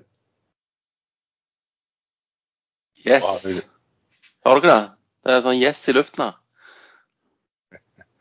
Ja, gress. Du tenker på amerikanske marihuanaaksjer? Nei, det, det, det er noen eh, fugler. Jeg lurer på om de flyr sørover allerede. Det var tidlig, var det ikke? Men eh, jo, eh, jeg liker godt Eller jeg har eh, kjøpt litt mer i denne her Instabanken. Eh, tallene kommer 12.8. Jeg håper og tror at de eh, blir veldig bra. Og at dreiningen fra forbrukslån mot eh, sånn omstartspantelån er relativt stor. Fordi at òg for selskapet når de har pantelån, så er reservekravene mye mindre. Jeg tror det er en femtedel av uh, usikra forbrukslån. Så da kan de egentlig vokse veldig mye innen pantelån uh, før de må uh, hente penger til vekst. Så det tror jeg uh, Jeg er veldig spent på den, for jeg har litt sånn følelse av at tallene blir bra. Så jeg kommer til å sitte over de tallene og håpe på det beste. Eh, ellers så tror jeg òg at eh, Havila Kystruten eh, får henta seg inn og, og klarer å krabbe seg opp til emisjonskursen igjen i løpet av en uke eller to. Så det er de to der eh, som jeg liker. Eh, har veldig lite aksjer eh, utenom. Så jeg er litt forsiktig, som dere sikkert har skjønt. Erlend? Ja, det, i tillegg til ProSafe som et vacuum case, Eh, som er high risk, må bare betone det. Jeg sitter foreløpig ganske stille, selv etter eh, akkurat nå er den opp 18,17 så den har falt litt tilbake. Men så er det den amerikanske Naked-aksjen min, eh, som heter det fordi de selger Lingeri på nett. Jeg forklart før hva som skjedde der. At kursen stupte, selskapet var nesten konk. Og så kom disse meme-aksjonærene, Wall Street Boys-gjengen, og kjørte den opp fordi short-andelen var over 30 Det gjorde de i januar, og da var det selskapet så smarte at de satte en gigantisk emisjon på høy kurs. Eh, betalte bort all gjeld. Eh, sitter med fremdeles over 270 millioner dollar på bok. Eh, og CEO, som er fra Australia, det er et australsk selskap notert på Nasdaq. Eh, han har nå i flere tidsmeldinger bekreftet at de er på oppkjøpsjakt for å bruke eh, cashen til noe fornuftig og for få oppveksten. Og de har kuttet ut alt annet enn e-commerce. Solgt unna andre greier som, som passer dårlig sammen med dette. Så nå er de fullt fokus på e-commerce og Lingeri og en, en eller annen type oppkjøp. Så senest 2.8, det var fire dager siden, da sendte han et bilde fra Times Square i New York. Uh, Watch this space, avslutter han med. Så der vil jeg tro det snart kommer en reklame på en billboard uh, for Naked med en eller annen hyggelig melding. De har generalforsamling 20.8, så noe vil skje før det, og det er bare 14 dager til. Så der øker jeg litt hver uke. Skal vi se. Noe annet enn det? Først etter ferien så skal jeg se litt på andre muligheter. Ja, det er jo det samme her, da. Jeg sitter jo som sagt med en del cash. Jeg håper, håper jo da at det skjer en del ting eh, som gjør at man kan få gode muligheter. OK, jeg kan nevne en som vil ikke si at Jeg vil jo heller si at dette her er mer long term enn hva det har noen ting med, med uken som kommer å gjøre. Men den har begynt å, å, å, å gå litt oppover nå en liten periode. Eh, og det er det som heter Argeo. Jeg har nevnt det før. Eh, det er et selskap som er priset til 240 millioner. De henta inn 175 millioner når de gikk på børs. Eh, de kom med Q2-tall nå. altså I Q1 så hadde de omsetning på 1 million kroner. I Q12, Q2 på 12. altså Tolvdobla omsetningen sin på, på ett kvartal. Det De har, de, har noe, altså, de kjøper noe som heter Autonomous Underwater Vehicle. altså Tenk på en undervannsdrone. og så bruker de det til å ta oppdrag innenfor undersøkelser og inspeksjon. Det eh, kan være type broer på olje- og gassplattformer, på offshore vind, eh, på altså undervannsleting etter sånn havbunnsmineraler, alt mulig sånt. Men det er jo nå, de kommer, så nå, nå, nå, ser du jo liksom at, at eh, inntektene kommer. Og, de opprettholder en guiding da på 70-80 millioner kroner eh, i Eh, i 2021. Eh, det betyr jo egentlig at når de har, er på 13 etter eh, første halvår, da, så skal de jo da levere 57 altså til 67 bare i andre halvår. Sånn at de, de du kan forvente deg at inntektene vil øke ganske mye. Og, og de sier også at de på EBITDA-nivå skal ligge på 20 allerede i år. Neste år så guider de faktisk at de skal, dette her skal ha 370 millioner kroner i inntekter og 134 millioner i EBITDA. Eh, og målsettingen er altså å ha 1 milliard i inntekter på 450 mill. i EBITDA eh, i 2025. Altså, det, det, er vanskelig å si det her, da, men for å si det sånn, det, det er jo litt sånn, vi, vi snakker om Elabs hva de sier at de skal klare det. Hvis eh, Argeo eh, bare skal klare det de guider for eh, neste år, og, og, med de marginene som de mener de skal ha, så bør jo det her være en, en, en kjempebra investering. Nå er det jo rutinerte folk som står bak det, eh, men det, det, er jo, altså, du vet aldri om, om de klarer det. Eh, men jeg så også bare på at når de kjøper sånne AUVs, da, så har de nesten altså de, de, de, skriver jo i prestasjonen at det er nesten sånn tre års payback på hele investeringen. Nå, nå, så jeg at på en av de der de kjøpte fra leverandøren, så, så hadde de altså de betalte ca. 50% av kjøpesummen eh, nå, og, og, resten over eh, flere år. Eh, så, så, det kan jo nesten bety altså det, det gjør jo veksten mye Eh, enklere også, hvis du har så formidabel eh, inntjening som, som de mener. Så, så det, den kan være verdt å Det har jo egentlig ikke noe med uken å gjøre, men det, interessen virker å ha, ha, økt litt. Og noen selgere virker å være mm, tilnærmet ferdig. Og, og, du kan forvente deg sannsynligvis nyhetsstrømmer med kraftig økte Eh, inntekter og, og, også inntjening da, kvartal for kvartal framover, hvis de klarer det som eh, ledelsen sier de skal. Hva er forskjellen på en undervannsdrone og disse eh, ROV, heter det? Et eller annet, husker ikke hva det forkortes for. som Subsea-selskap har brukt i mange år og ja. videreutvikler. Rovene må være tilknyttet et skip. Mm. Mens disse her kan du sende ut eh, fra Du kan jo ha det på skip, selvfølgelig, men du kan sende det ut eh, eh, hvor som helst. Eh, det, blir en, det, blir jo litt som en drone som du kan sende ut fra land, ikke sant. Eh, så det, kan, så, det, så, så, det, gjør jo at det her blir billigere. Jeg snakket med en som jobber innenfor dette her med, med ROV også. Han, han, sier jo at man allerede nå så bruker man dette her eh, stadig mer. den, den type AUV-er. så at det her at det her kommer. Men eh, det er klart, det, er jo ikke sånn at noen vil være alene på dette markedet. Men eh, det skal vel da være mer miljøvennlig på alle mulige måter også. Så, så, så sånn, det ser for meg ut, da, så jeg kjøper det at dette er et marked som kommer til å komme, som kommer sikkert til å bli eh, ganske stort. Eh, og så får vi se om de her klarer å levere. Interessant. å se på. Hvor ble det av Sven? Er du ute og ser på gjessen som uh, drar til Syden allerede nå? Nei, jeg sitter her og, og glor.